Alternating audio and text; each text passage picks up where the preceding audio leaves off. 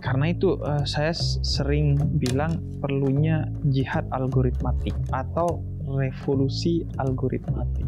Karena uh, kita itu terlalu kemudian sekarang dibuat tunduk kepada algoritma yang sudah ada. Bahkan pada titik yang ekstrim, apa yang kemudian dikritik dalam filsafat teknologi. Bagaimana modernisme secara umum yang salah satu kemudian produk terbarunya adalah digitalisasi ini mengalienasi manusia dari dirinya sendiri. Inilah Endgame. Halo teman-teman, hari ini kita kedatangan Habib Hussein Jafar Al-Hadar, teman kita dari Bondowoso. Habib, terima kasih loh.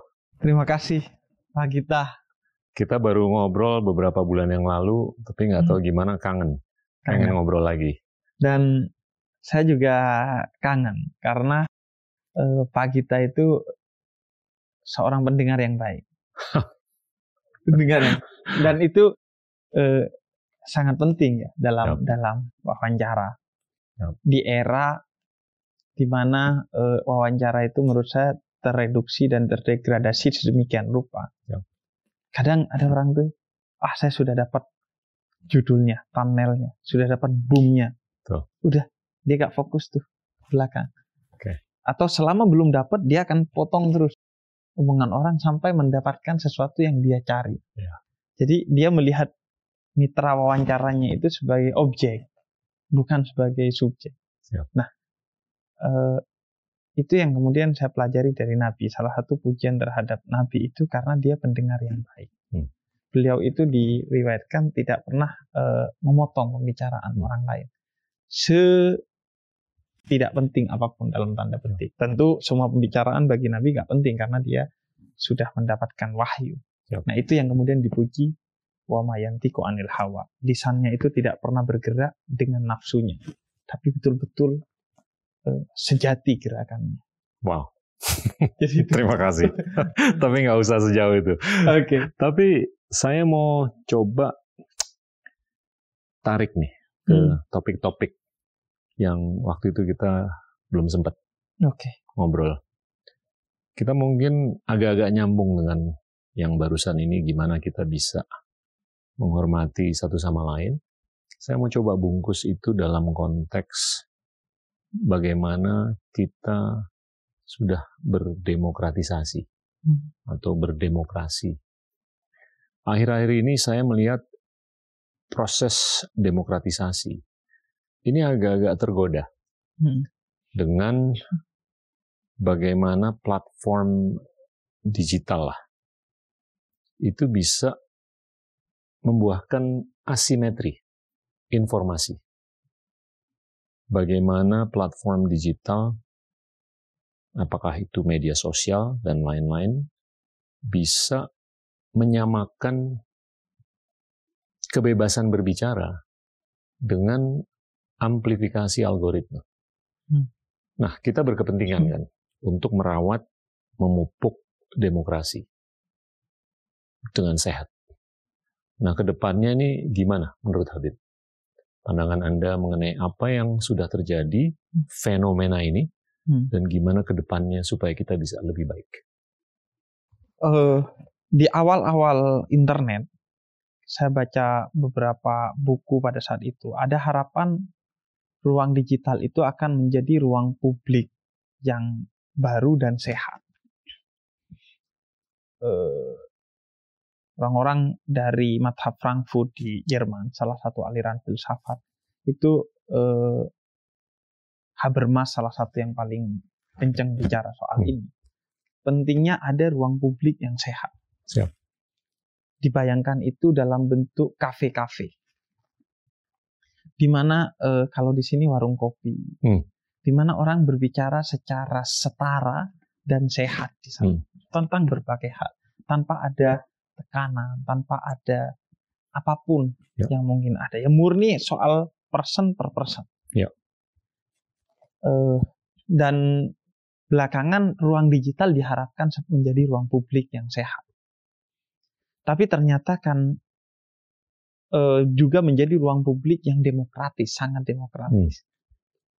Tapi uh, nyatanya kemudian kita dihadapkan paling tidak 10 tahun ini, satu dekade ini, itu tidak sesuai dengan yang kita harapkan. Hmm. Ruang publik digital kita misalnya eh, besar diarahkan oleh buzzer. Siap. Besar diarahkan oleh bahkan yang lebih moderat itu KOL, hmm. Key Opinion Leader.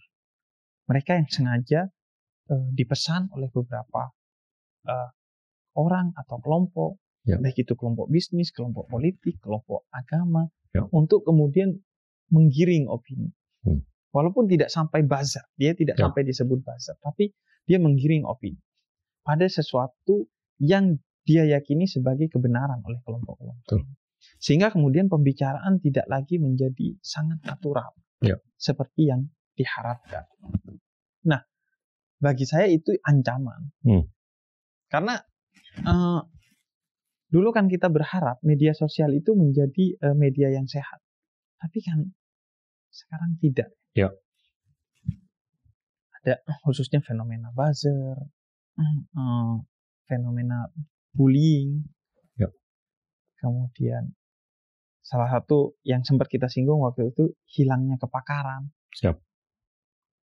Dan itu menjadi ancaman yang sangat nyata. Hilangnya kebakaran. Pernah ada viral. Seorang ayah itu tidak percaya COVID.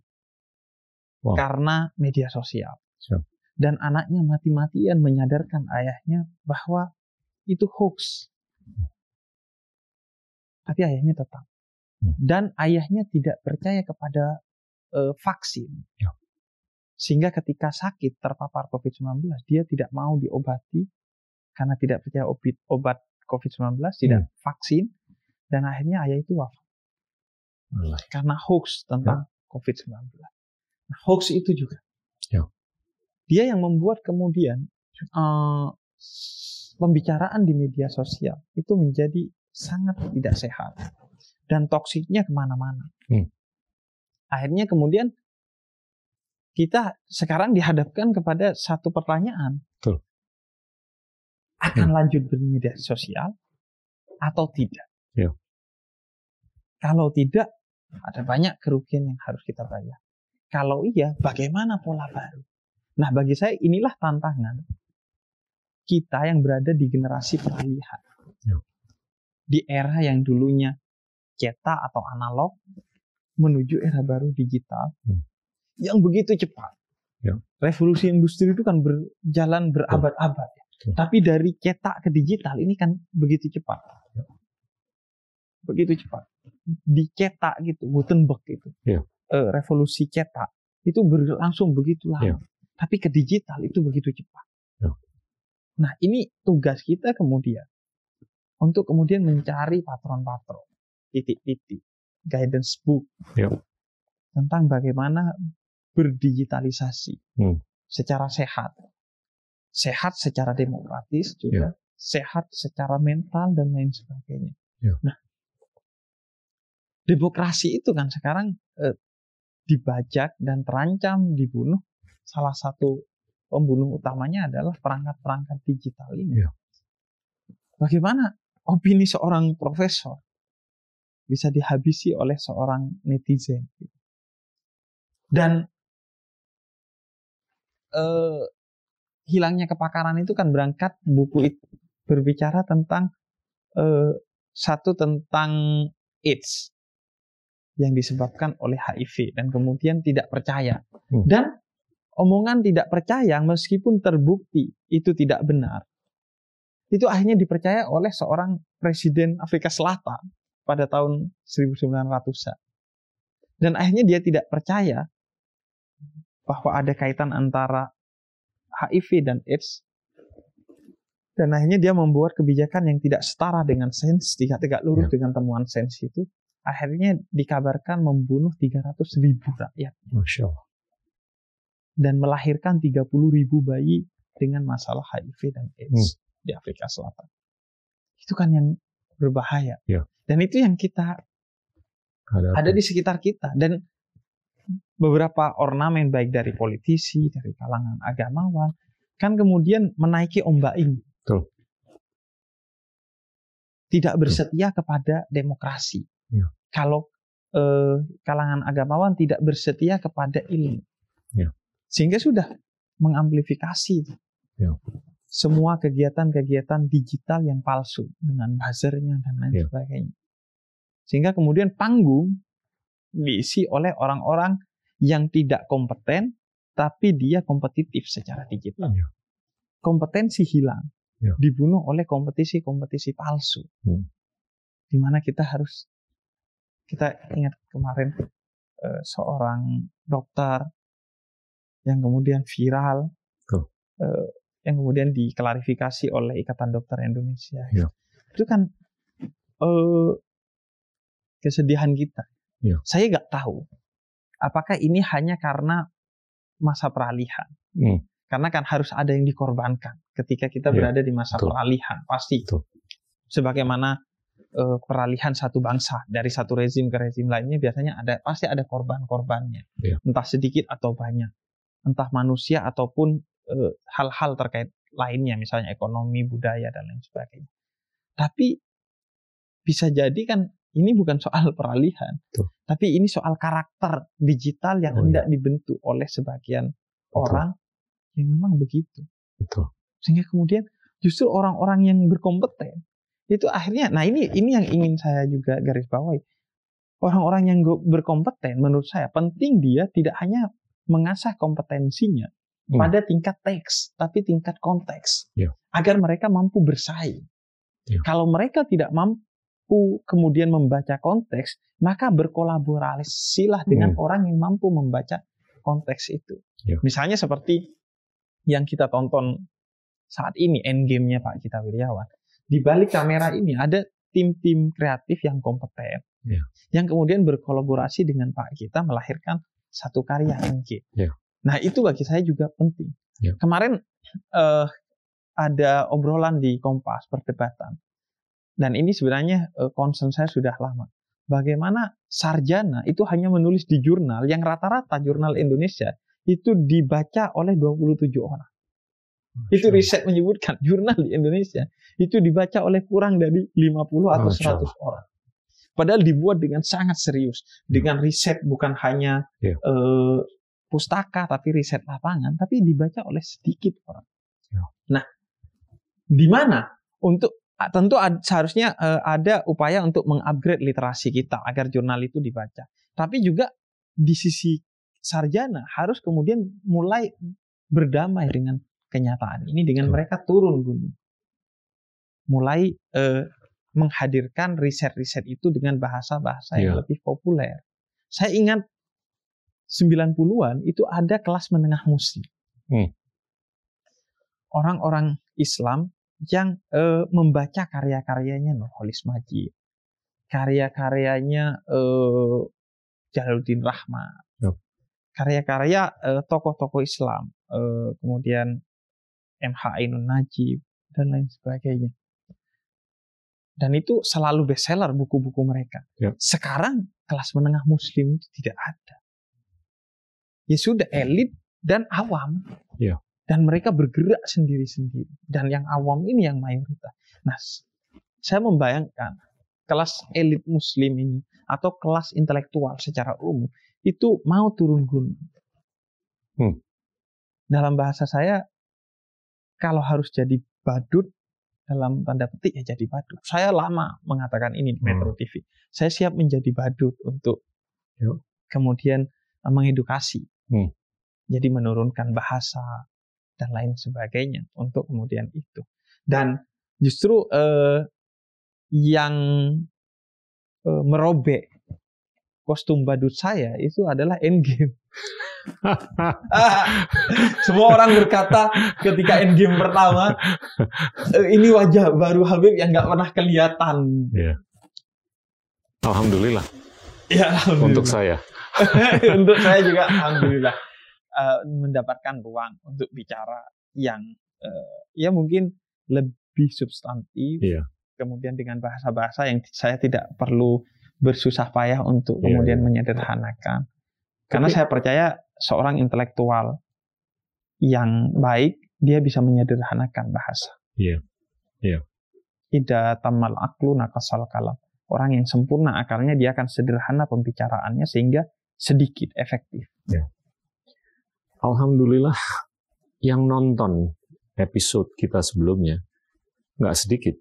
Nggak sedikit. Ya kan? Itu nyambung dengan keberhasilan upaya Anda hmm. untuk menyampaikan pesan-pesan hmm. yang tadinya dipikir agak sulit disampaikan, harus membadutisasi diri, tapi ternyata nggak perlu. Hmm. Nah ini kan dialektika yang kalau menurut saya sangat dibutuhkan untuk mengedepankan proses intelektualisasi di era yang mana banyak yang berkata mungkin telah terjadi cukup banyak deintelektualisasi. Tapi saya mau coba tarik lagi nih ke topik demokrasi, topik media sosial. Saya melihat kalau saya pelajari yang memiliki teknologi untuk jaringan sosial secara digital, itu filosofinya mereka tuh hanya untuk mengejar keuntungan. Dan justifikasi mereka bahwasanya kalau di echo chamber sebelah kiri, ini banyak sekali disinformasi, misinformasi, ataupun asimetri informasi, itu secara alamiah akan ternetralisir hmm. oleh informasi yang positif. Tapi problemnya algoritma yang digunakan oleh mereka itu sangat terus-menerus mengamplifikasi yang di sini. Hmm. Sedangkan yang di sini ini yang sering kali diwarnai oleh the silent majority, hmm. yang mungkin nggak berani ngomong, atau mungkin nggak punya algoritma untuk mengamplifikasi. Nah, kalau menurut saya itu nggak sehat untuk yeah. kepentingan kita merawat demokrasi.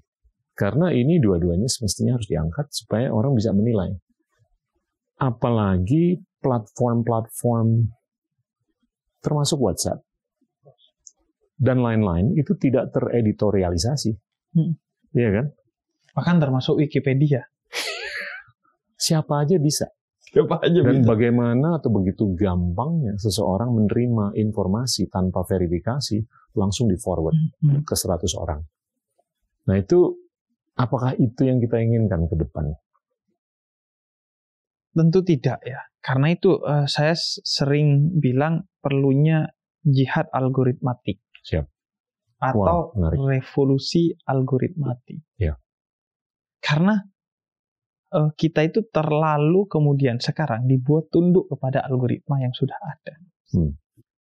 Bahkan pada titik yang ekstrim, apa yang kemudian uh, dikritik dalam filsafat teknologi, yang kemudian biasanya mengacu kepada karma. Bagaimana uh, modernisme secara umum, yang salah satu kemudian produk terbarunya adalah digitalisasi ini, mengalienasi manusia dari dirinya sendiri. Saya kasih contoh. Kritik yang besar itu adalah kepada TikTok misalnya. Hmm. TikTok itu uh, dikritik karena betul-betul uh, membuat dunia menjadi absurd. Tapi saya juga punya TikTok karena tidak mungkin itu dibiarkan. Kalau ya. tidak, ya so must be go on. Ya. Nah, tapi saya melihat di TikTok uh, beberapa bulan saya uh, ikut di sana. Konten-konten yang edukatif itu tidak disupport secara algoritmatik oleh mereka. Tapi konten-konten yang uh, tidak edukatif tapi mau ikut aturan main mereka itu disupport. Maka kemudian saya mengakalinya dengan konten edukatif tapi tunduk kepada algoritma mereka. Hmm. Mereka misalnya punya sound tertentu, mereka punya sesuatu yang sedang viral, yang sedang mereka support, nah saya masuk ke sana. Siap. Misalnya pernah kita ngevideoin diri kita dalam keadaan belum rapi, kemudian ditaruh kameranya, diinjak gitu, kemudian ambil lagi udah rapi. Nah itu ketika kita pakai sound itu, pakai uh, algoritma itu, kemungkinan viralnya tinggi. Akhirnya saya bikin. Saya dalam keadaan, uh, saya bilang, kalau lagi sholat, pakaiannya biasa aja. Kemudian diinjak, kalau lagi ketemu pacar pakaiannya keren. Nah, Tuhanmu itu pacarmu atau Tuhan yang maha kuasa itu. Nah, harus memikirkan itu. Nah, bagi saya itu proses berdamai dengan algoritma. Karena nggak mungkin uh, kita mengubah algoritma. Karena algoritma itu milik pragmatisme pemilik media sosial itu. Ya. Dan itu uh, sudah yang milik mereka. Kecuali ada orang-orang yang mau memikirkan untuk bikin media sosial dengan algoritma yang sehat. Ya. Al prinsip algoritma yang sehat, kalau saya sebagai seorang muslim, itu mengacu kepada hadis Nabi, khairun nas anfa'uhum linnas. Ya. Sebaik-baiknya manusia yang bermanfaat bagi manusia lain. Maka algoritma yang berorientasi kepada manusia yang memiliki manfaat yang besar. Ya. Bukan memiliki sensasi yang besar. Nah, untuk bermimpi ke sana mungkin berat masih. Hmm. Dan e, itulah kenapa kemudian umat Islam itu harus juga hijrah secara intelektual. Jadi mengupgrade. Sebenarnya uh, ada Muhammadiyah di Indonesia hmm. yang punya corak Islam yang berkemajuan. Hmm. Yang seharusnya didorong itu di bidang sains dan teknologi. Nah, kalau tidak ya kita berdamai dengan algoritma yang ada. Bagaimana menyiasati dalam tanda petik algoritma itu untuk value yang kita sedang perjuangkan. Tapi kan itu melelahkan. Itu kerja yang melelahkan. Dan eh, cosplay menjadi orang awam itu kan sampai yeah. kapan pun tidak akan membuat kita menang dengan orang awam yang asli. Yeah. Karena mereka nggak usah cosplay. Tuh. Nah itu yang yang menurut saya makanya saya bilang jihad itu kerja keras. Yeah secara algoritmatik. Menarik dan saya sepakat. Tapi kalau saya tarik lebih dalam lagi, dulu waktu saya belajar hmm. puluhan tahun yang lalu, yeah. pendidikan saya tuh mengajarkan untuk kita tuh beraktivitas dalam konteks kompetisi yang sempurna. Hmm. Tapi kalau saya lihat pola pendidikan sekarang, ini yang dianjurkan justru di mana kita bisa menjadi monopoli. Ya kan? Ya. Karena monopoli itu lebih menguntungkan ternyata. Sejarah menunjukkan hmm. hal yang sama, tapi sejarah juga menunjukkan itu hal yang mungkin kurang bijaksana untuk jangka panjang. Ya. Nah, kalau saya lihat pemilik teknologi, ini sifatnya agak-agak monopolistik termasuk yang mengontrol jaringan sosial secara digital. Nah, ini kalau disambung dengan postur kebijakan di negara-negara maju, sangat membiarkan perilaku yang monopolistik. Jiwa kita, perilaku kita sehari-hari, gaya hidup kita itu sudah dimonopoli oleh monopoli tersebut. Tapi kok kerangka regulasinya membiarkan. Nah ini kalau saya kupas lagi, kerangka-kerangka regulasi seperti itu tuh belum siap. Karena dibuat di era mungkin mesin uap. Yeah. Bukan era digital. Sedangkan pengambil kebijakan di negara-negara maju itu juga banyak yang nggak mudeng mengenai pemberdayaan dan penggunaan media sosial atau platform media sosial. Itu divergensi kan, yeah. yang harus disikapi. Tapi saya nggak tahu gimana itu bisa disikapi sesegera mungkin, karena kalau tidak, ini akan menggerogoti proses demokratisasi kita menuju ke arah yang indah. Dan saya bukan mau mempropagandakan atau mengedepankan ideologi aja di sini, tapi kalau menurut saya ideologi apa pun itu akan terjadi diskon kalau dia tidak bisa membangun institusi. Dia nggak bisa mendemokratisasikan talenta.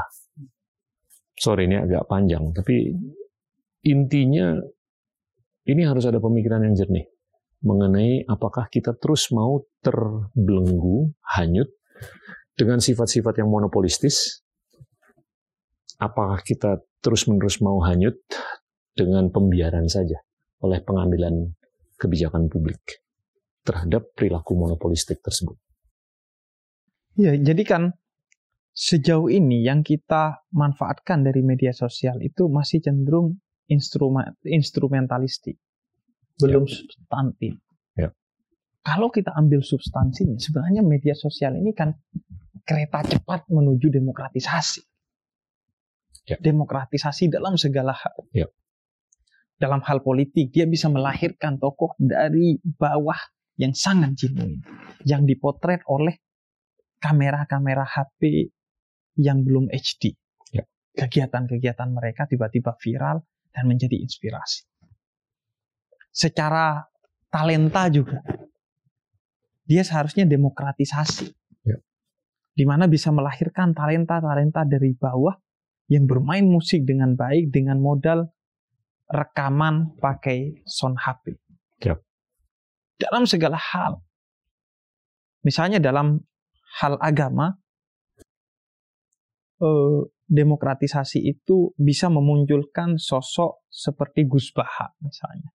Seorang dulunya kiai kampung yang kemudian sekarang menjadi sangat viral karena keilmuannya yang bahkan tetap pakai bahasa daerah, bahasa Jawa dan hanya pakai suara. Yang perlu diperjuangkan adalah kesetiaan kepada konten, substansi itu. Tapi kan ini ditunggangi oleh tadi monopoli-monopoli tertentu. Sehingga kemudian semuanya dibuat tidak substansial, instrumental. Oh ya dibikin seolah-olah eh, tokoh ini didengar. Bahkan sekarang kayaknya tim medsos itu lebih penting dari tim lainnya bagi tokoh-tokoh itu. Ya bahkan ya sudah pengambilan angle mereka itu itu yang paling iya. penting yeah. sehingga uh, bisa jadi akhirnya media sosial membunuh proses demokratisasi itu sendiri yeah. dengan melahirkan tokoh tokoh-tokoh secara instan yang tidak pernah teruji meskipun punya kompetensi atau bahkan yang tidak punya kompetensi sekalipun ya udah lahirlah badut-badut kemudian di sana hmm. sini karena uh, media sosial ya. karena yang dikejar adalah viral ya. nah itu itu itu bagi saya uh, masalah dan uh, justru kita maksudnya bukan kita dalam pengertian masyarakat di bawah tapi di atas uh, bergerak tunduk kepada algoritma tersebut ya artinya tunduk kepada algoritma, ya. bukan menciptakan suasana yang demokratis di media sosial gitu. Ya. Akhirnya ya sudah, echo chamber kita festivalisasi. Ya. Kenapa? Oh itu bukan kritik, itu kebencian. Sehingga kita sekarang rabun melihat mana kritik, ya. mana kebencian, mana hate speech, mana kritik. Udah udah Tuh. rabun. Dan kritik bisa di hate speech kan hanya karena bapak tidak senang gitu. Ya. Begitu juga uh, dalam segala hal gitu itu itu itu berlaku. Nah, ya. bagi saya uh, ini sesuatu yang pertama harus dipikirkan. Ya. Kalau masyarakat kan bisanya hanya bergerak secara kecil ya. Hmm. Tapi ini harus dipikirkan secara serius saya rasa. Kalau enggak hmm. ini akan menjadi bom atom ya. suatu hari di mana kemudian kita nggak bisa pegang lagi apa yang bisa kita pegang. Karena itu uh, ya perlu kemudian keseriusan uh, di tingkat lembaga ataupun kementerian, yeah. atau bahkan di level pemimpin, yeah. untuk kemudian uh, memberikan uh, payung undang-undang tertentu dan kebijakan tertentu yang strategis dan efektif untuk mengurus ini. Kita bisa mulai di civil society juga untuk mengedukasi, mensosialisasikan apa yang menurut kita tuh penting. Nah, ngobrol mengenai apa yang penting. Saya tuh suka ngobrol mengenai apa yang penting untuk jangka panjang. Yang melotot ke saya tuh setiap hari itu dua hal yang penting dalam jangka panjang adalah perubahan iklim. Hmm. Dan yang kedua, kesenjangan kita nih kalau mengacu ke kesepakatan Paris, kita harus mengurangi emisi karbon tahun 2030 tuh kurang lebih 50 persen. 2040 25 persen. 2050 25 persen terakhir. Saya melihat secara kebijakan itu pergerakannya linear. Sedangkan di luar kebijakan, apa yang dilakukan oleh private enterprise mm -hmm. sangat eksponensial dalam konteks emisi karbon. Tapi blessingnya, hikmahnya, pelaku private enterprise itu ada beberapa yang sangat bisa mengedepankan inovasi teknologi yang luar biasa, kecepatannya. Hmm intuisi saya menyatakan ini ujung-ujungnya mungkin bisa terselesaikan bukan oleh policy atau kebijakan, tapi lebih oleh teknologi untuk kita bisa mencapai aspirasi terkait perubahan iklim. Saya penasaran, pandangannya Habib gimana? Uh, saya akan mulai dari perspektif agama dulu lah, yang memang kompetensi saya ada seorang tokoh namanya Lil White tahun 1960-an yang mengkritik bahwa agama, khususnya Abrahamic faiths, Yahudi, Kristen, dan Islam, itu menjadi salah satu tokoh utama krisis iklim global. Kemudian eh, dikritik balik oleh Said Hussein Nasr, salah seorang filosof yang eh, besar di Amerika, filosof Islam. Enggak, di, tidak bisa kita melihat masalah ini dengan menuduh sana sini secara uh, egois. Karena sebenarnya uh, agama punya doktrin-doktrin yang positif untuk mendorong uh, krisis iklim global. Hanya saja kan kemudian uh, perlu kesadaran tokoh-tokoh agamanya untuk melihat isu perubahan iklim ini sebagai isu penting. Karena secara doktrin eh, agama itu memiliki ajaran-ajaran yang sangat eh, positif melihat alam, hmm. sangat fair melihat alam. Misalnya dalam Islam, dalam surat Ar-Rum 41, itu Allah katakan kerusakan yang terjadi di semesta itu karena tingkah laku kamu, wahai manusia. Sehingga Allah ingin mengajari kita untuk melihat alam sebagai subjek, bukan objek. Bukan untuk dieksploitasi secara serampangan tapi dieksploitasi secara secukupnya untuk sebatas memenuhi kebutuhan. Sehingga kata Gandhi, alam itu tidak cukup untuk memenuhi segelintir orang yang tamak, tapi cukup untuk memenuhi seluruh manusia kalau tidak tamak. Ini hazanah-hazanah hmm. agama. Kemudian melihat alam juga eh, sebagai subjek dalam artian memperlakukan alam sebagaimana kamu memperlakukan dirimu sendiri. Itu yang dikehendaki oleh Allah dalam ayat tersebut.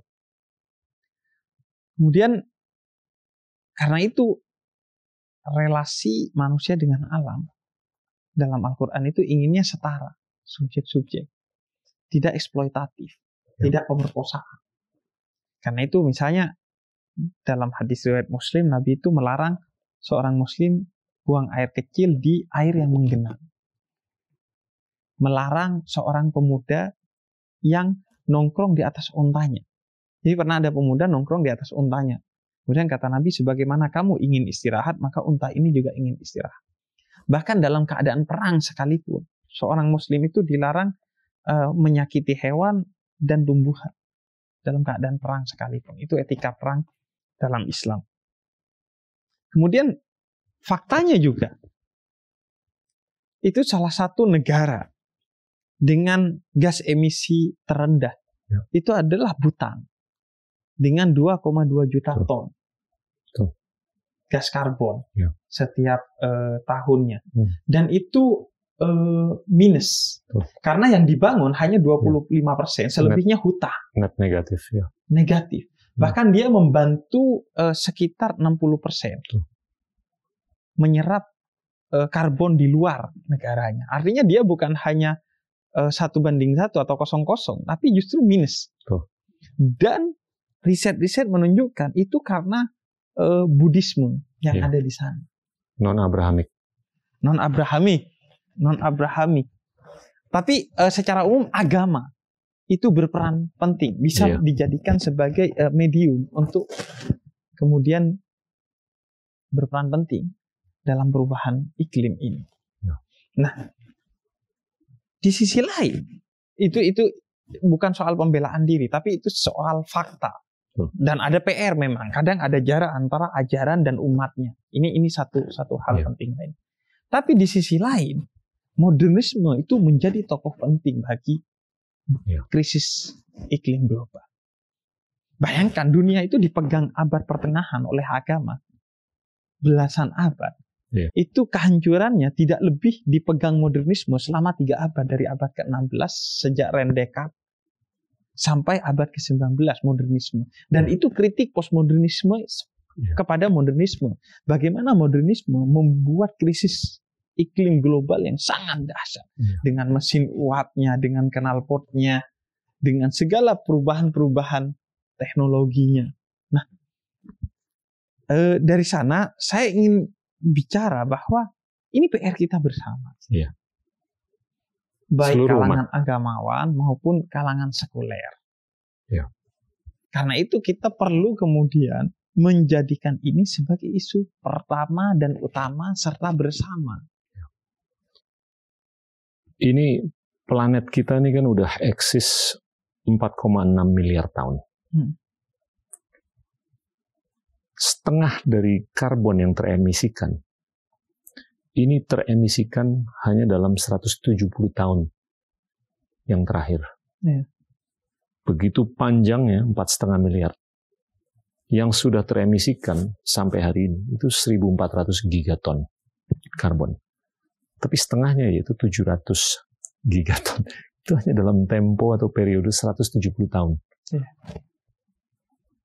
Ini berkorelasi dengan bukan hanya modernisasi, tapi dengan gaya hidup kita, pola pikir kita, nilai hidup kita, yang mungkin nggak nyambung dengan ajaran-ajaran agama, hmm. ya kan? Untuk kita memelihara. Dan kalau saya perhatiin pengambil kebijakan di seluruh dunia, termasuk politisi di dunia, apalagi di negara maju, mereka nggak mudeng Apalagi untuk mereka bisa mengambil kepemilikan terhadap isu ini. Hmm. Jauh lebih sulit. Ya kan? Nah ini kuncinya adalah gimana kita bisa beranjak dari perilaku yang konsumtif ke regeneratif. Hmm. Beranjak dari perilaku yang konsumtif sebagai konsumen menjadi sebagai warga Hmm. yang bertanggung jawab. Nah, hal-hal seperti itu tuh niscaya perlu penyikapan politik hmm. untuk mensolusikan problem dan problematika jangka panjang. Iya kan? Iya. Ya, itu pasti harus ada uh, yang mendirijen. Iya.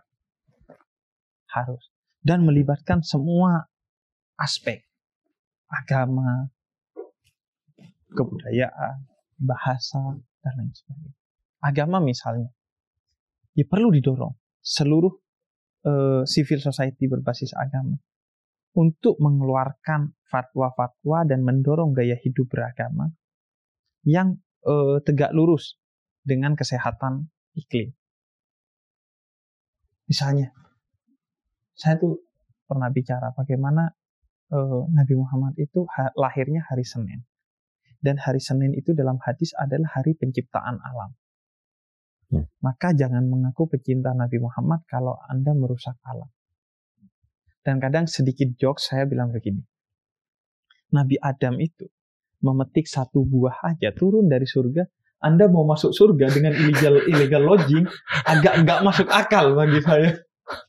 illegal lodging kok masuk mau masuk surga. Nabi Adam memetik satu buah aja turun dari surga. Anda nggak merawat alam pengen masuk surga aneh. Nah itu itu menurut saya penting uh, isu lingkungan.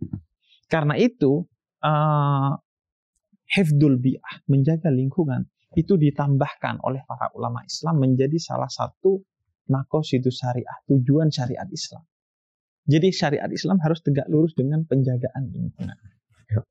Nah, dalam hal lain juga menurut saya penting. Karena ini soal gaya hidup seperti yang dikatakan oleh Pak kita tadi. Ya. Bayangkan itu pernah uh, viral seorang uh, sebuah bungkus mie instan itu yang dia ulang tahun 40 tahun yang lalu pernah ditemukan di pinggiran pantai. Plastiknya itu masih gak berubah. Hmm. Itu itu kan ngeri sekali. Dan secara dalam segala hal dalam kebudayaan karena yeah. ini soal gaya hidup. Gaya hidup itu kan dibentuk oleh budaya, agama, dan lain sebagainya. Termasuk juga bahasa. Misalnya, yeah. saya sering mengoreksi. Kalau bisa, jangan katakan buanglah sampah pada tempatnya. Tapi letakkanlah sampah pada tempatnya. Yeah. Karena kalau Betul. membuang, Betul. itu seolah-olah iya. image-nya yeah. sampah itu buruk. Yeah. Tapi Dan, kalau meletakkan, yeah. sampah itu bukan bukan sesuatu yang harus dibuang, tapi diletakkan untuk nanti kita buat sesuatu, entah itu kerajinan, regeneratif, regeneratif. Tadi yang yeah. dikatakan Pak iya. Itu jadi dalam segala hal itu perlu kemudian uh, diperbaiki kalau tidak ingin mengatakan direvolusi soal perubahan iklim ini dan melibatkan segala hal dan harus ada yang mengorkestrasi itu ya. dan kita kan berharapnya itu tokoh politik ya, ya. mungkin negarawan ya. seorang tokoh politik yang berjiwa negarawan ya. yang ini yang melakukan itu dan itu perlu koordinasi di, dari semua negara ya. karena itu isu perubahan iklim kan menjadi uh, isu global gitu. Betul. Apa dan itu sebenarnya uh, kalau dalam konteks agama Islam kita punya harus punya kesadaran universal hmm. bahwa apa yang kamu lakukan di sini di satu kampung di Bondowoso itu akan berpengaruh terhadap yang terjadi di Sungai Amazon di Betul. Amerika Latin sana. Ya. Itu pola Baga pikir yang integral. Betul. yang universal.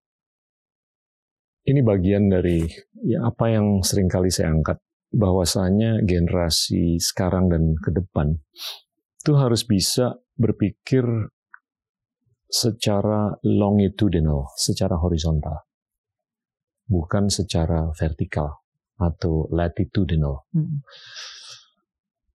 Karena betul apa yang terjadi di titik ini sangat berkorelasi dengan apa yang terjadi di titik mana pun di planet bumi Dan saya ingin kembangkan banyak yang nggak menyadari bahwa karbon yang tersisakan di planet kita yang bisa dikorek itu hanya 2000 sampai 3000 gigaton.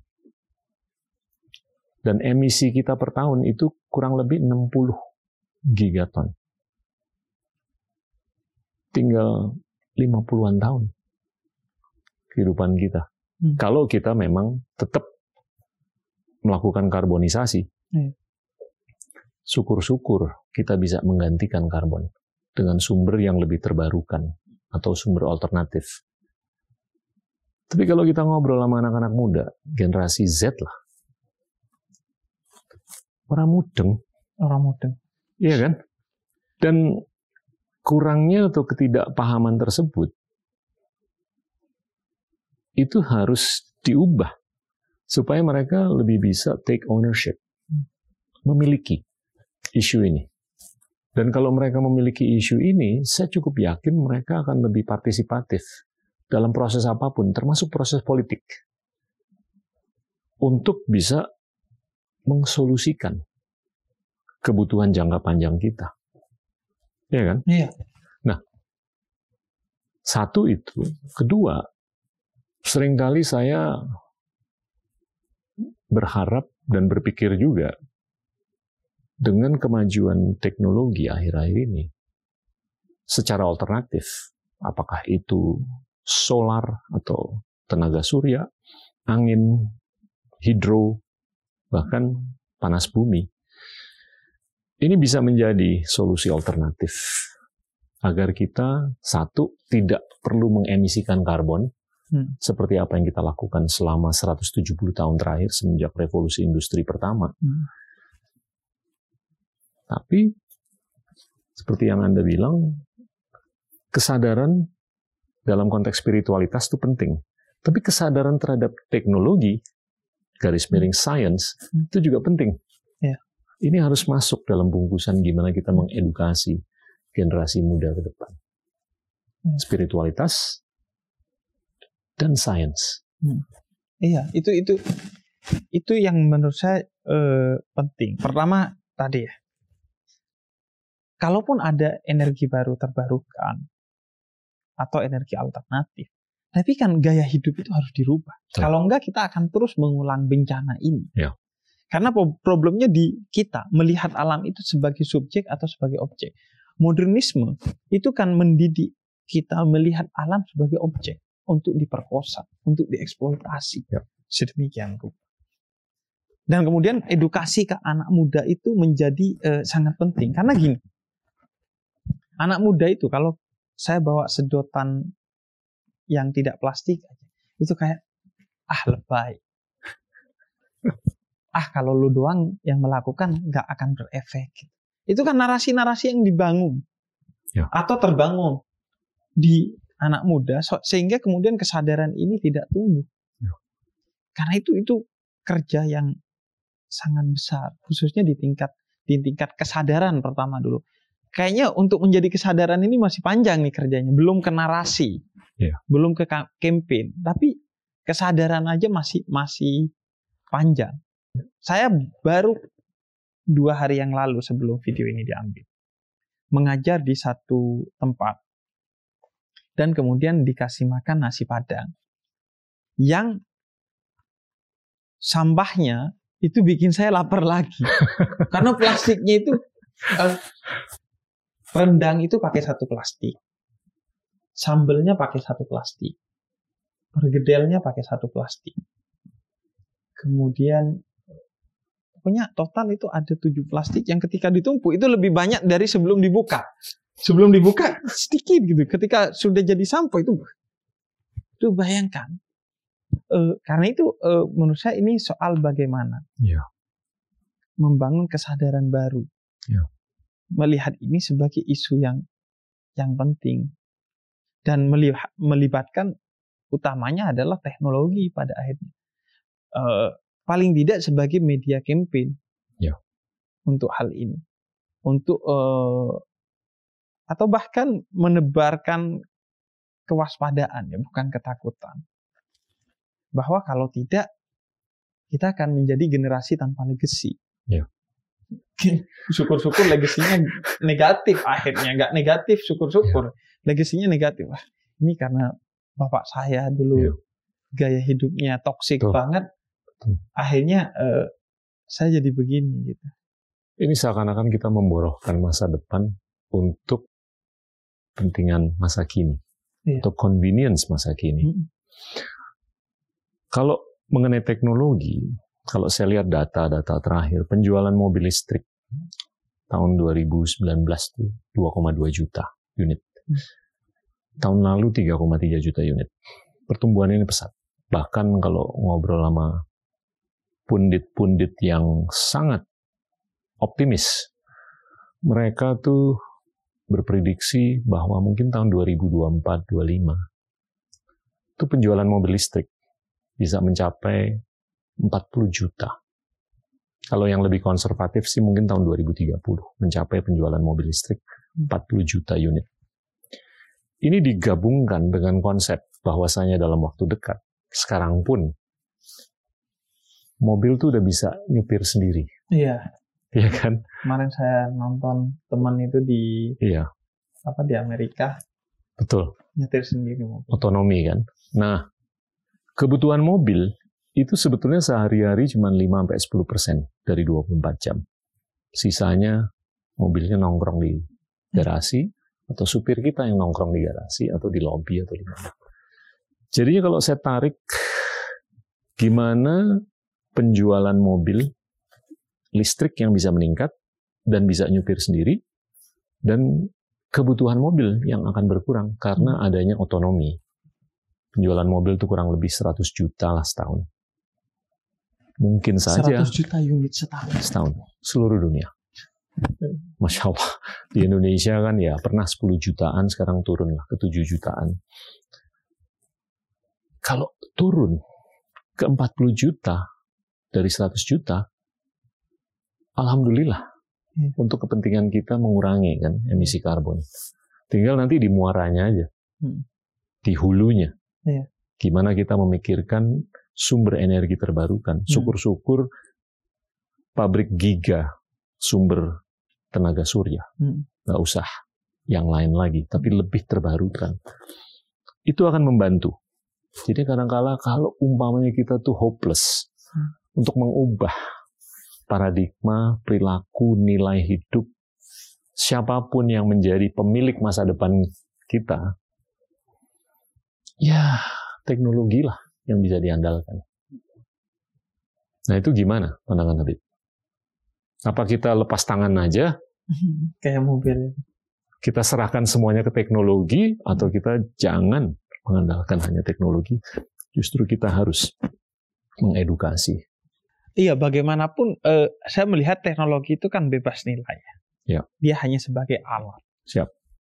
Karena itu dia harus memiliki eh, sesuatu di depan dia dan di belakang dia. Kalau kita pakai bahasa-bahasa teknologi, eh, dia harus punya back end sebagai otak dari teknologi itu sendiri ya. agar kecelakaan-kecelakaan seperti media sosial ini tidak terjadi lagi kepada kepada kita. Nah, di sanalah perlu value karena teknologi ini hanya alat saja.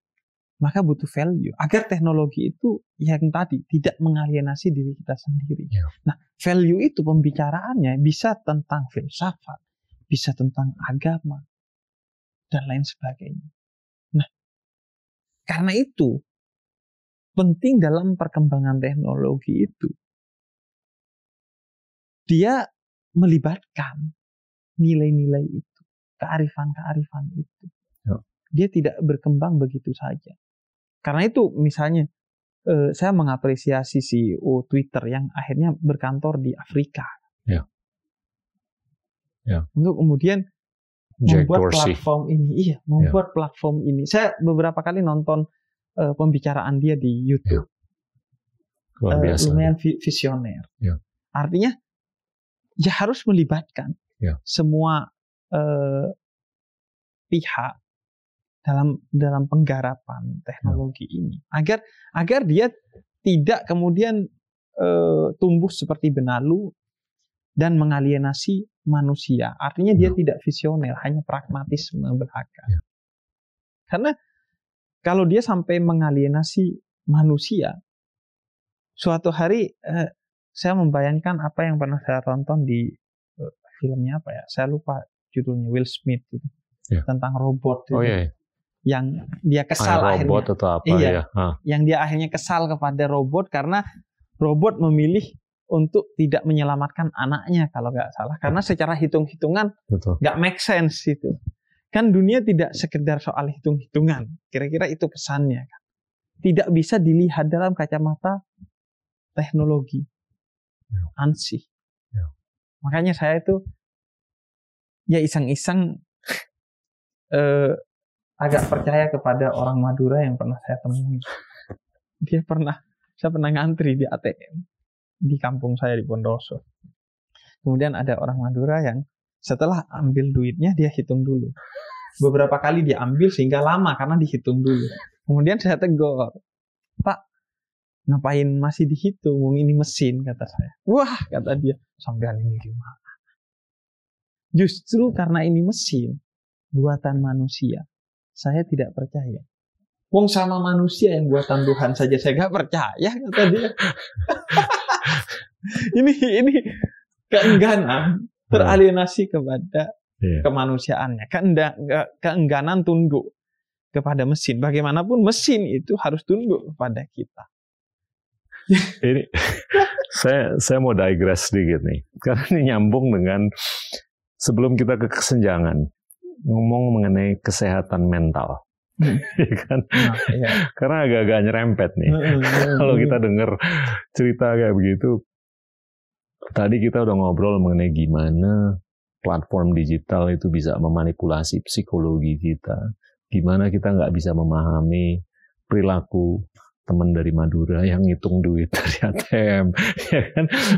Untuk gimana kita bisa merawat kesehatan mental hmm.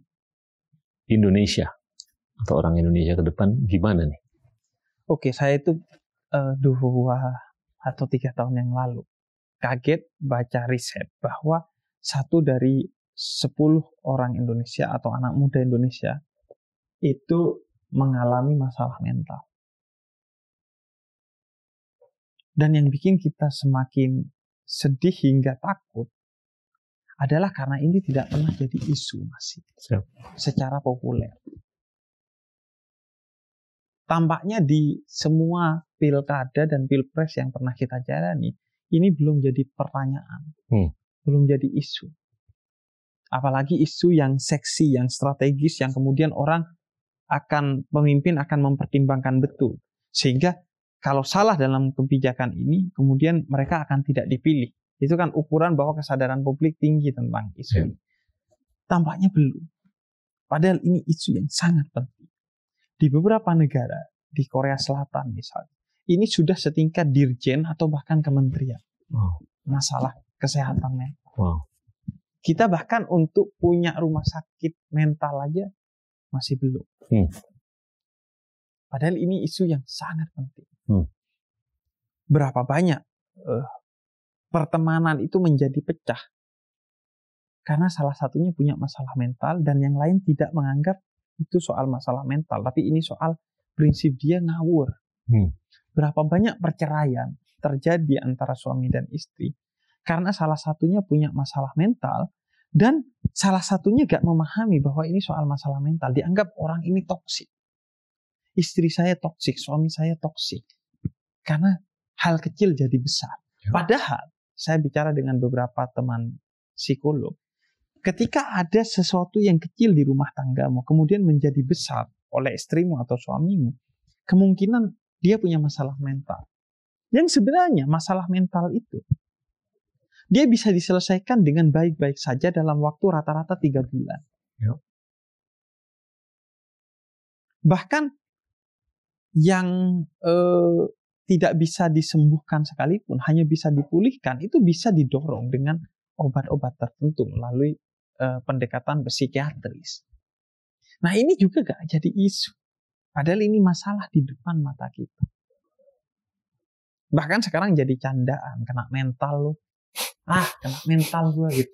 Padahal ini ini menurut saya masalah serius. Ya. Dan masalah ini akan sangat panjang penyelesaiannya. Karena sekarang orang masih tidak sadar kalau dirinya punya masalah mental. Ya. Kalau sadar, dia kadang tidak tahu harus pergi ke mana. Sehingga pergi ke hati, pergi ke dukun, ya. untuk didoakan, diru'yah, dan lain sebagainya. Ya. Yang ketiga, mereka kalaupun tahu pergi ke psikolog, khawatir karena psikolog itu asumsinya ya. dokternya orang gila. Kalau mereka mau ke psikolog, kadang nggak punya biaya. Karena itu bukan perkara yang primer untuk ya. orang mengeluarkan biaya 300 ribu ke jasa psikologi. Ya. Karena dianggap, ah cuma sakit mental. Selama belum sakit fisik, orang kita menganggap itu bukan sakit. Ya. Terlalu mahal untuk mengeluarkan ya. biaya itu. Karena itu saya relatif concern di sini. Ya. Apalagi media sosial itu berperan ya. besar dalam menghancurkan mental orang. Ya. Dengan bullying dan lain ya. sebagainya bayangkan orang sambil tiduran ngebully orang lain tanpa sadar bahwa yang dibully itu membaca yeah. sambil menangis bahkan sambil menyakiti dirinya sendiri yeah. dan menganggap dirinya tidak berguna. Yeah. Ini menurut saya sesuatu yang perlu kemudian kita lihat juga yeah. masalah mental ini. Karena itu saya saya relatif serius. Saya sudah beberapa kali menjadikan ini sebagai konten. Yeah mengajak psikolog-psikolog untuk berbicara tentang ini di konten saya. Setuju. Bahkan uh, saya uh, membangun rumah sehat mental di daerah Cinere di Jakarta. Namanya Rumah Cahaya yang memberikan konsultasi online maupun offline uh, gratis bagi orang-orang yang punya masalah mental. Luar biasa. Nah, ini ini ini bagi saya harus menjadi isu besar bagi ya. politisi, bagi pengusaha, ya bagi uh, eh, LSM dan civil society mana pun. Ya. Karena kalau tidak, wah, betul. Bayangkan akan ada banyak masalah yang sebenarnya sumbernya hanya karena ada masalah mental. Betul. Ini ya sekali lagi mungkin nyambung dengan seperti yang Habib bilang sebelumnya. Gimana manusia tuh tidur 8 jam, kerja 8 jam, melihat HP 8 jam. ya kan? Dan saya akhir-akhir ini juga menggunakan analogi itu atau observasi itu kalau hmm. saya lagi ngajar. Masa sih kita harus ngeliat HP 8 jam? Hmm. Lihat email paling berapa menit sih? Hmm. Ya kan? Lihat WhatsApp paling berapa menit?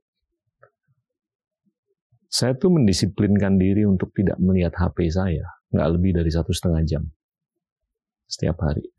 Sisanya dari 8 jam, ya baca jurnal kayak, iya. atau baca buku, atau berinteraksi Ngobrol. dengan anggota keluarga, teman yang menurut saya jauh lebih berkualitas hmm. dan lebih bisa menyembuhkan hmm. masalah daripada kita mengvirtualisasikan diri. Hmm. Karena realita virtual itu naluri kita selalu ingin lebih indah daripada realita yang real. Hmm. Iya kan? Iya. Dan gap antara virtualisasi dengan realita itu yang kadang-kadang menjerumuskan kita ke titik-titik yang kurang diinginkan. Nah ini studi di banyak sekali negara-negara maju dan berkembang yang dulunya itu terbiasa dengan penyakit jantung sebagai penyakit yang paling populer. Sekarang udah bukan lagi. Depresi. Depresi. Iya kan? Nah ini fixnya. Mungkin ya, gimana kita bisa mengurangi konsumsi digital. Iya. Iya kan? Tentunya civil society, pengambil kebijakan publik harus mengambil kepemilikan terhadap isu ini sebagai isu yang kalau menurut saya nggak siklus tapi sekular. Hmm. Iya kan? Gimana tuh? Iya. Iya, uh, saya melihat memang media sosial juga itu iya. itu berperan penting dalam merusak dan karena dia menjadi biang masalah, dia juga sebenarnya jadi bisa jadi biang solusi. Iya. Iya. Menjaga jarak, menjaga kewarasan kita, bahwa realitas kita adalah yang ada sekarang, bukan yang virtual. Itu sekarang orang rabun loh. Iya. Betul. Realitas kita itu apakah yang offline atau yang online. Ya. Online lebih indah. Iya. Bahkan eh, seorang perempuan rela membeli makanan yang bagus untuk sekedar difoto bukan dimakan. Betul. Dan dicicipin doang setelah hmm. itu ditinggalkan. Yang penting fotonya. Gitu. Iya. Karena bagi saya mereka berarti sudah teralienasi. Iya. Realitas mereka berarti realitas virtual. Iya bukan realitas dalam pengertiannya yang sebenarnya. Yeah. Dan menjadi lucu kalau dia nggak percaya akhirat, percaya virtual nggak percaya akhirat. Atau uh, jadi jadi bagi saya itu itu itu soal kerabunan juga. Yeah. Yang perlu uh, kita pastikan bahwa kalau dalam bahasa Quran uh, pastikan dirimu itu dan keluargamu baik-baik saja. Yeah. Sebelum kamu ke kebahagiaan yang bersifat virtual dan lain sebagainya. Yeah. Keluargamu Berapa banyak orang yang berjarak dengan keluarganya karena gadget. Ya. Eh, berapa banyak pasangan suami istri itu ketika bangun pagi itu ngambilnya gadget bukan tangan suaminya atau Iya. tangan istrinya untuk kemudian karena ini kan menentukan kualitas hari anda orang lagi itu. pacaran, Nah, lagi makan malam, masing-masing lihat HP, bukan nggak, bu- bukan melihat satu sama lain. betul nah itu itu bagi saya ini kan berada di era peralihan kita Iya. menuju era digital perlu ada etika-etika yang kita sepakati bersama bahwa kalau nongkrong nggak main HP atau kalau lagi makan bersama nggak main HP karena gini saya dulu diajarkan oleh ayah saya ketika kecil nggak boleh ngomong ketika makan Siap. Sekarang sih nggak ngomong karena main HP nah itu perlu mungkin jadi kearifan Iya. etik kita bahwa kalau lagi makan nggak boleh pegang HP dan lain sebagainya Ini bukan etik aja, ini hygiene, hygiene digital. Itu di- dibutuhkan secara retail ataupun wholesale. Ya kan? Nah ini nyambung ke topik kedua yang sifatnya jangka panjang, yaitu kesenjangan. Saya saya berhipotesa bahwasanya polarisasi percakapan itu berkorelasi dengan kesenjangan. Kita melihat rasio koefisien Gini, Hmm. ini kan nggak rendah. Bukan hanya di negara-negara berkembang seperti Indonesia, tapi di negara-negara maju. Eropa, Amerika, bahkan Tiongkok, kalau itu udah bisa diklasifikasi negara maju, tinggi sekali. Koefisien Gini-nya tuh, Gini coefficient ratio-nya tuh 48. Tinggi sekali. Nah ini gimana nih fixnya, obatnya? Supaya itu bisa turun dan supaya kita bisa berdemokratisasi. Melakukan demokratisasi secara bijaksana. kesenjangan dalam hal Kesejahteraan ekonomi dan kesenjangan akses pendidikan macam-macam. semua kesenjangan Ya, kalau pendidikan saya akhir-akhir ini sering ngobrol mengenai gimana kita jangan fokus ke guru saja. Gimana kita jangan fokus ke siswa saja. Hmm.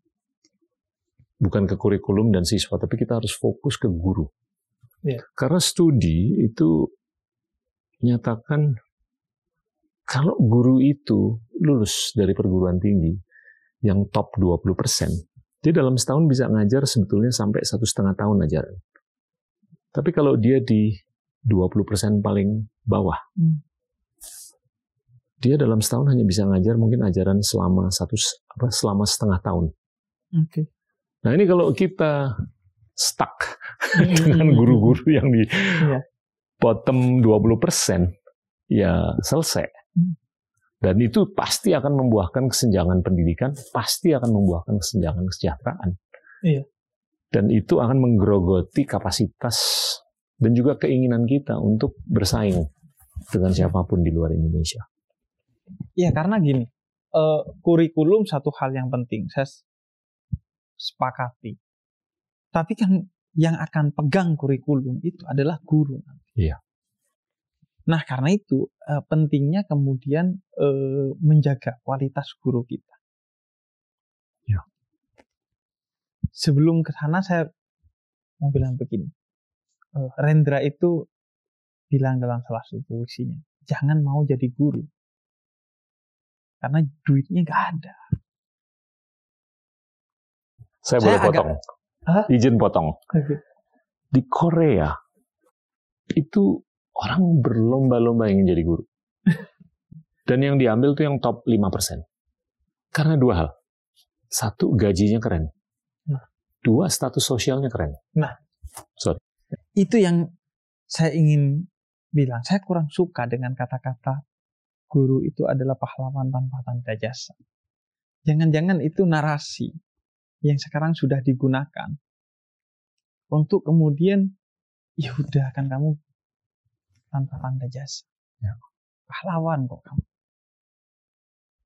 Itu untuk kemudian meninabubukkan Iya. para guru.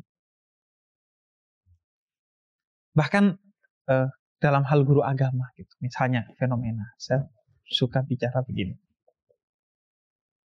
uh, kadang orang uh, ketika memberikan uang kepada guru agama, entah itu penceramah atau guru sekolah atau guru ngaji dulu di kampung.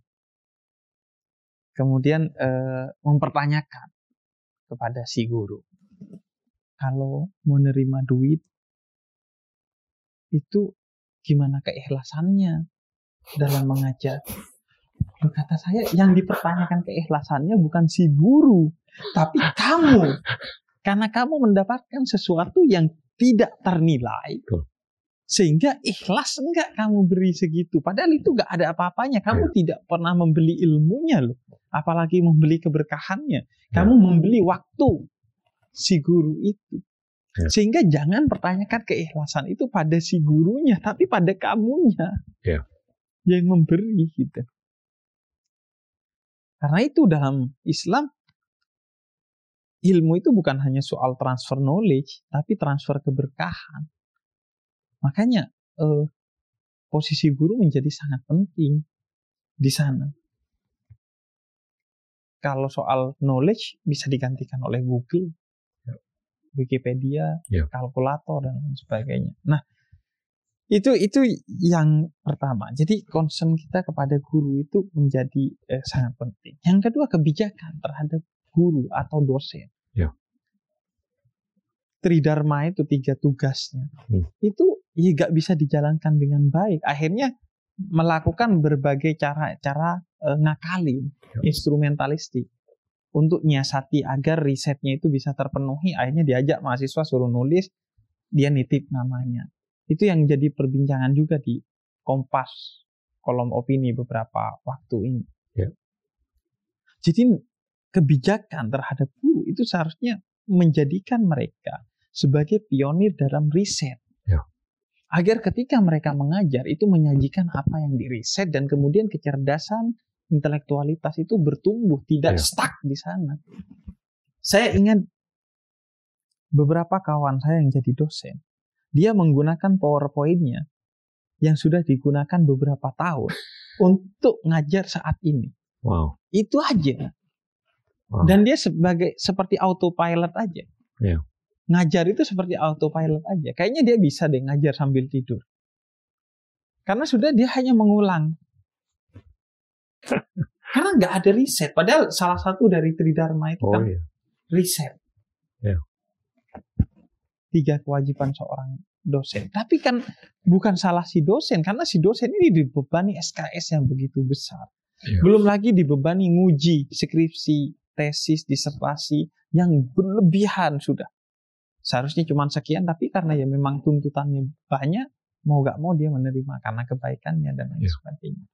Karena itu akhirnya saya cenderung lebih mengingat guru dan dosen saya yang bekerja dengan tulus bukan karena urusan-urusan administratif. Betul. Karena saya lebih dibesarkan oleh iya. mereka iya. ketimbang oleh dosen-dosen dan guru-guru yang cenderung administratif. Iya. Dan saya tidak dalam rangka menyalahkan si guru atau dosen, iya. tapi karena sistem kebijakan kita iya. itu membentuk guru-guru dan dosen-dosen menjadi tenaga administratif, iya. bukan sebagai uh, leader.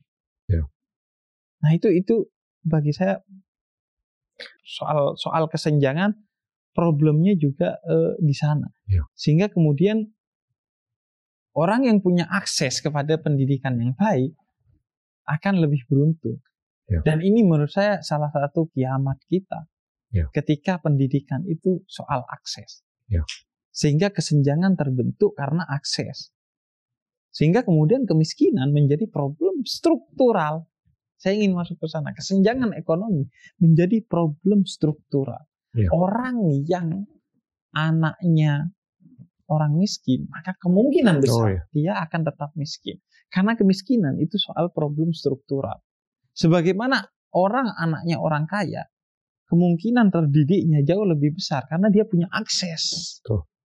terhadap pendidikan yang berkualitas. Ya. Bahkan dia bisa membeli pendidikan yeah. yang berkualitas. Saya saya ingat betul tuh dulu.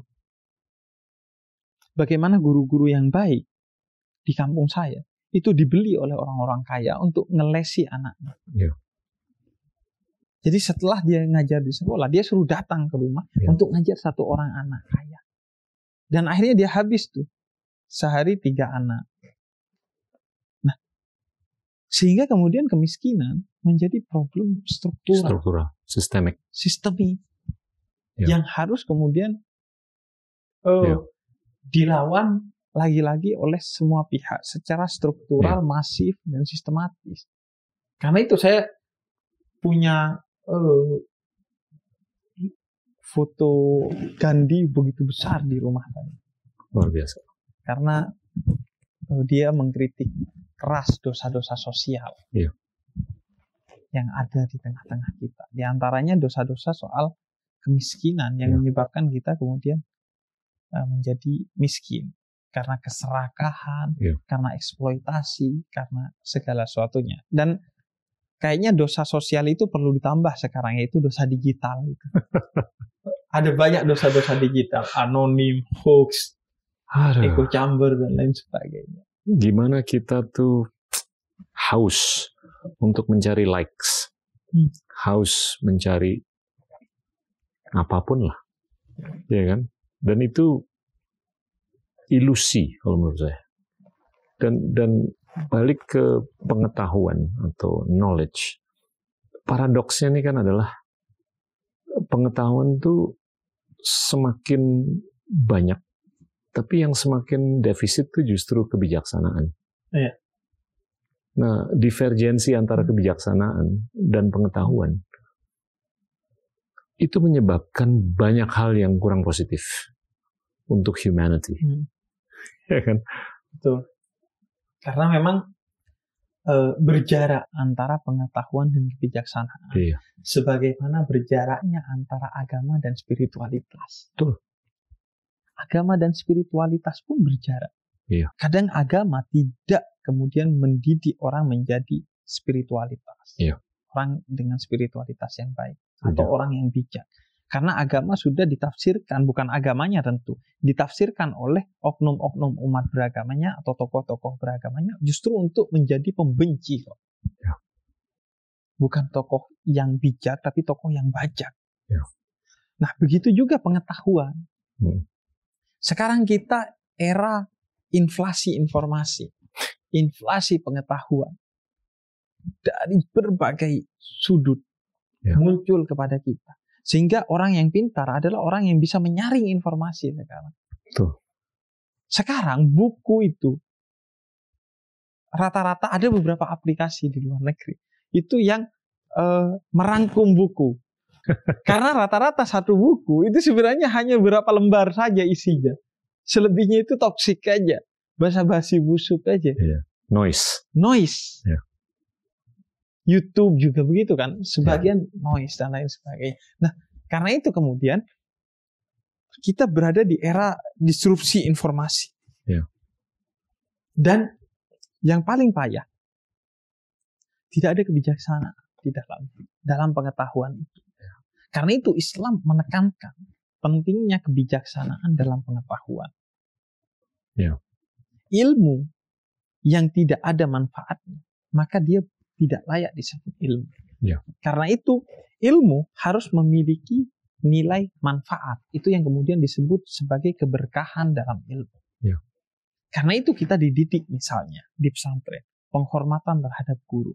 Kita rela mencium kaki seorang guru karena Ya. keberkahan. Karena kalau guru itu tidak rela, maka transfer knowledge tidak akan terjadi dengan sempurna. Pengetahuannya mungkin bisa kita ambil, tapi keberkahannya hilang. Iya. Sehingga tidak akan mendidik kita menjadi bijak, bahkan bisa mendidik kita menjadi instrumental. Apa yang dikritik oleh Madhab Frankfurt. Orang semakin berpengetahuan, tapi semakin digunakan untuk ngakali orang lain. Iya. Membohongi orang lain, menipu orang lain. Iya.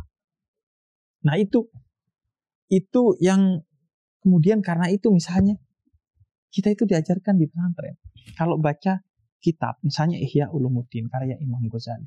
Itu setiap sebelum baca harus mengirimkan doa berupa Al-Fatihah kepada Imam Ghazali.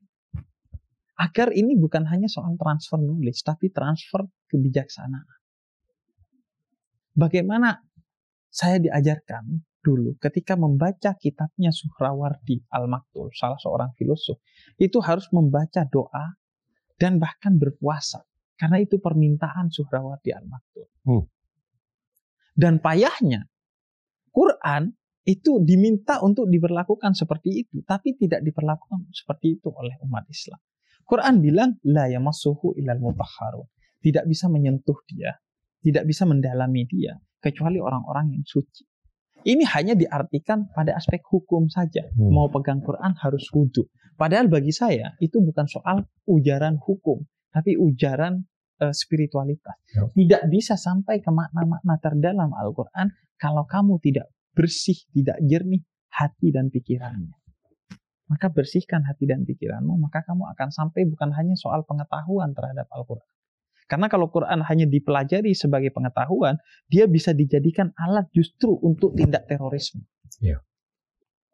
Tapi kalau dengan kebijaksanaan, dia akan menggiringmu pada cahaya. Yeah. Nah itu bagi saya, jarak itu harus kemudian dihilangkan. Yeah. Nah sekarang kan, bahkan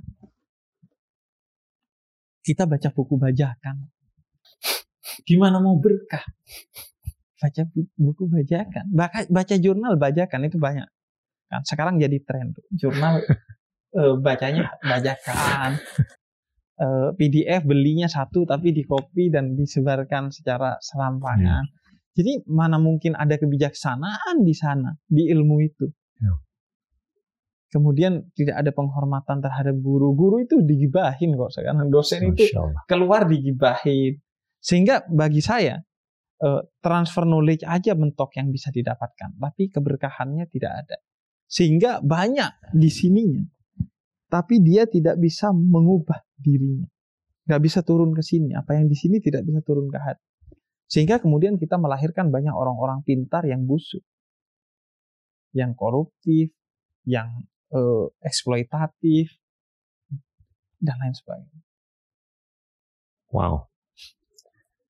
Beb, kita udah ngobrol mengenai perubahan iklim, kesenjangan, demokratisasi, digitalisasi, dan bagaimana korupsi terhadap mental kita hmm. yang dilakukan oleh platform digital. Akhir-akhir ini kan kita menyaksikan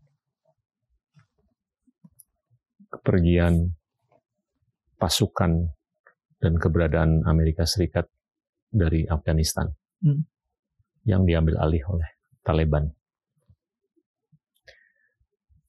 Ini kan semestinya fenomena atau episode yang bisa memberikan inspirasi kan untuk militanisme. Hmm. Gimana kita di Indonesia itu bisa memitigasi risiko-risiko seperti itu saya tetap percaya bahwasanya Taliban itu tidak transnasional. Kalau ISIS itu transnasional, Al-Qaeda itu transnasional. Kalau Taliban itu dalam sejarah tidak pernah transnasional. Ya. Nah, keyakinan saya hmm. terhadap itu membuahkan kesejukan bahwa kalau kita berupaya, kita bisa memitigasi risiko-risiko yang tidak diinginkan. Pandangan ya. Habib gimana? Saya setuju bahwa Taliban itu tidak transnasional karena dia sangat identik dengan suku tertentu di Afghanistan, kebangkitan suku tertentu dengan ideologi tertentu. Eh, tapi bukan berarti value-nya nggak bisa ke mana-mana. Artinya kita perlu mengambil pelajaran dari setiap yang ada. Seperti tadi kita sudah bicara apa yang terjadi di sungai Amazon akan berpengaruh terhadap Ciliwung. Kira-kira begitu. Apalagi ini soal value. Nah, Afghanistan itu uh, tidak pernah keluar dari konflik. Itu rata-rata karena uh, tujuh suku yang terus saling bertengkar di sana. Uh, di Indonesia tujuh itu bukan suku.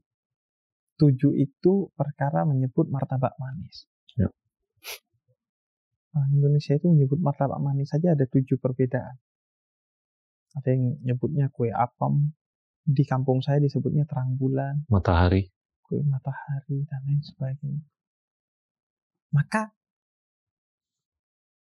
kalau kita tidak bisa menjaga apa yang disebut dengan imajinasi oleh Ben Anderson seorang Amerika sarjana yang akhirnya wafat di Indonesia karena meneliti Indonesia hingga mati seorang Indonesianis utamanya adalah soal imajinasi. Siap. Afghanistan gagal membangun imajinasi bahwa mereka adalah saudara. Hmm. Kita sukses membangun imajinasi dengan bineka tunggal ika lah, Pancasila dan lain sebagainya bahwa kita adalah saudara. Begitu juga dalam Islam ada terminologi uhuwah Islamiyah orang biasanya mengartikan persaudaraan di antara umat Islam. Padahal bagi saya kalau mau setia kepada makna bahasanya, etimologisnya, uhuwah itu artinya persaudaraan. Islamiyah itu posisinya sebagai sifat secara bahasa. Jadi persaudaraan yang sifatnya keislaman, bukan persaudaraan di antara umat Islam. Artinya persaudaraan siapa saja, mau muslim dan non muslim, mau manusia dengan binatang dan tumbuhan, dengan semesta, asalkan persaudaraannya bersifat islami sesuai dengan nilai-nilai luhur, keadilan, kesetaraan dan lain sebagainya, maka itu uhwah Islami. Termasuk dengan semesta karena Islam itu rahmatan lil alamin. Karena itu saya bilang bukan hanya uh, uh, uhwah uh, insaniyah kemanusiaan tapi uhuwah makhlukiyah persaudaraan sesama makhluk Tuhan yaitu semesta. Ya. Karenanya saya bilang bukan hmm. hanya hablum minallah dan hablum minannas tapi hablum minal makhluk. Hmm.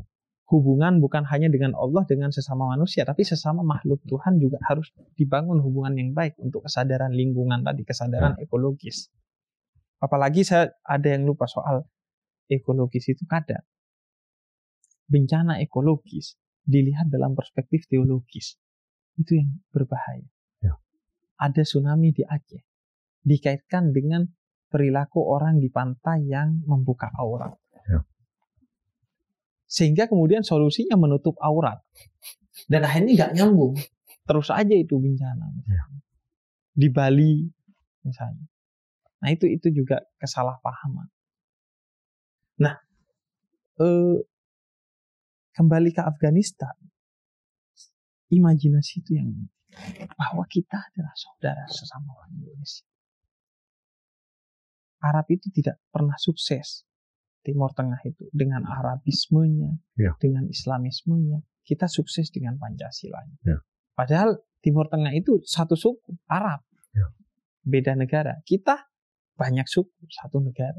Ya. Nah, karena itu pelajaran terpenting bagi saya dari Afghanistan. Dan itu yang dipelajari Afghanistan ke uh, eh, NU di Indonesia kan, memang. Hmm. Dan ini uh, era di mana Islam di Indonesia bisa jadi kiblat bagi Islam dunia dan demokrasi di Indonesia bisa jadi kiblat bagi demokrasi di dunia dan arahnya kan ke sana sebenarnya. Ya. Kalau kita kemudian sukses mengelola imajinasi itu bahwa kita setara, bahwa kita saudara, imajinasi bersama. Karena utamanya kita tidak saling membunuh kata Ben Anderson bukan karena kita takut hukum atau taat hukum, tapi karena kita punya imajinasi yang sama. Saya tidak akan melukai Pak Gita karena bagi saya Pak Gita adalah bagian dari diri saya, hmm. saudara saya. Sehingga kalau Pak Gita menangis, saya juga akan sakit. Nah, itu yang harus kita jaga bersama sebagai berkat.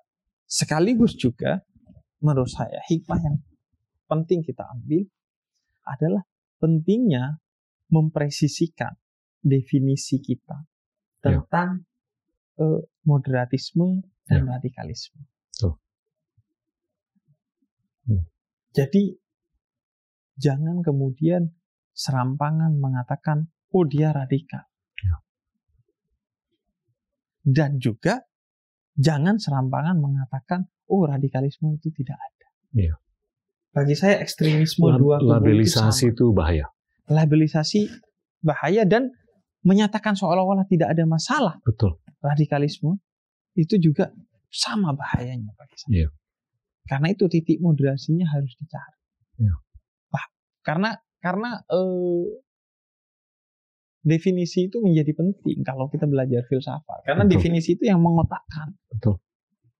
Definisi itu fungsinya membatasi, memilah dan memilih dalam filsafat. Membelenggu bahkan. membelenggu. Karena itu eh, betul-betul kita harus eh, berhati-hati. Ya. Agar kemudian tidak ada yang tersinggung. Ya. Sehingga kemudian kita tetap bisa hidup bersama di bangsa ini. Ini berimajinasi itu nyambung dengan apa pun yang kita bicarakan lah dengan Anda dan dengan teman-teman lainnya dalam konteks bagaimana kita menyaksikan demokratisasi informasi itu yang sudah terjadi secara masif tapi nggak nyambung dengan demokratisasi ide, Hmm. Iya kan? Iya. Ide itu yang harus didemokratisasikan. Hmm. Ide yang terdemokratisasi itu yang bisa membuahkan imajinasi dan imajinasi semakin banyak, semakin kaya, semakin kita berprospek untuk berkeluarga dan bersaudara, Hmm. ya kan? Betul. Dan nyambung lagi ke awal percakapan kita. Ini mungkin salah satu pipanya yang agak-agak mampet. Ini digitalisasi, Digitalisasi. ya kan? Untuk kepentingan kita mendemokratisasi ide. Betul. Itu itu pipa utamanya. Iya. Karena kita dulunya berharap dengan digitalisasi itu akan terjadi partisipasi yang besar dalam demokrasi. Iya. Dan partisipasinya adalah partisipasi ide. Iya. Bukan partisipasi buzzer, bukan partisipasi eh, ujaran kebencian, partisipasi apa pun, tapi partisipasi ide. Iya. Agar demokrasi kita menjadi substantif. Iya. Tidak hanya legal formal saja. Iya. Nah, semuanya kemudian banyak bertumpu kepada eh, digitalisasi perangkat digital dan perangkat digital bertumpu kepada kesadaran kita. Iya. Nah ini lingkaran setan. Iya. Kesadaran dibentuk oleh perangkat digital, perangkat digital dipengaruhi oleh kesadaran. Nah karena itu eh, jihad digital itu menjadi sangat penting Iya. bagi saya oleh semua pihak. Perlu perlu dipikirkan serius. Sebagaimana soal mental tadi perlu di tingkat lembaga atau dirjen atau kementerian, begitu juga digital. Iya. Karena kan dan jangan sampai lembaga digital yang nanti dibentuk misalnya berpihak kepada penguasa. Dia harus berpihak kepada pengetahuan. Wah, Dia bukan menjadi alat bagi siapa pun. ini bisa panjang nih. Tapi saya kadang-kadang berpikir apa kita perlu melakukan social re-engineering? Ya kan? Iya. Kalau kita udah merelakan diri kita untuk dihack secara conscious atau unconscious ataupun subconscious, nggak ada salahnya dong untuk kita secara con- conscious menghack ulang Hmm. atau meng-re-engineer Hmm. social equation kita Iya. supaya kita tuh bisa ke arah yang benar. Hmm. Ya kan? Iya. Terima kasih banyak loh. Terima kasih. Kita udah ngobrol panjang banget Udah. nih. Ini lanjutan dari sebelumnya. Sekali lagi saya ucapkan terima kasih. Terima kasih. Teman-teman, itulah Habib Husin Jafar Al-Hadar. Terima kasih. Inilah Endgame.